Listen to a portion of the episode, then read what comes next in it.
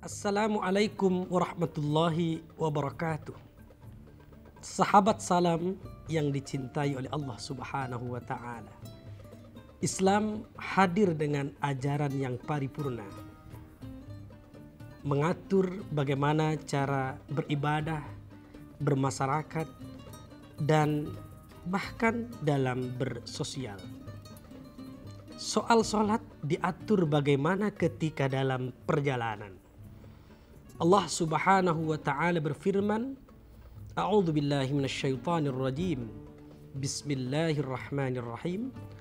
Wa idza darabtum fil ardi falaysa 'alaikum junahun an taqsuru fis salah. Jika kalian dalam bepergian, maka diperbolehkan mengqasar salat. Ayat ini secara eksplisit mengajarkan kepada kita bahwa saat dalam bepergian pun ada tata cara sholat yang benar sesuai dengan aturan Allah Subhanahu wa taala. Dalam kosor salat itu ada beberapa ketentuan dan syarat yang harus dipenuhi. Salah satunya antara lain adalah bagaimana perjalanan kita itu bukan dalam perjalanan yang maksiat. Contohnya bagaimana?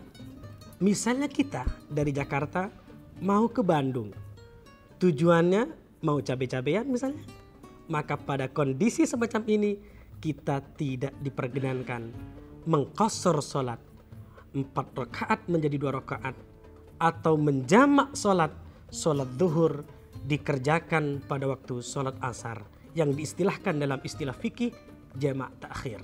Jadi dalam pepergian mengkosor sholat syaratnya adalah harus tidak dalam maksiat. Yang kedua adalah bepergiannya harus jauh. Ulama hal ini berbeda pendapat. Ada yang mengatakan 83 km, 90 km. Walhasil perjalanan dari kita Jakarta Surabaya itu boleh mengkosor sholat. Misalnya pun kita di dalam pesawat.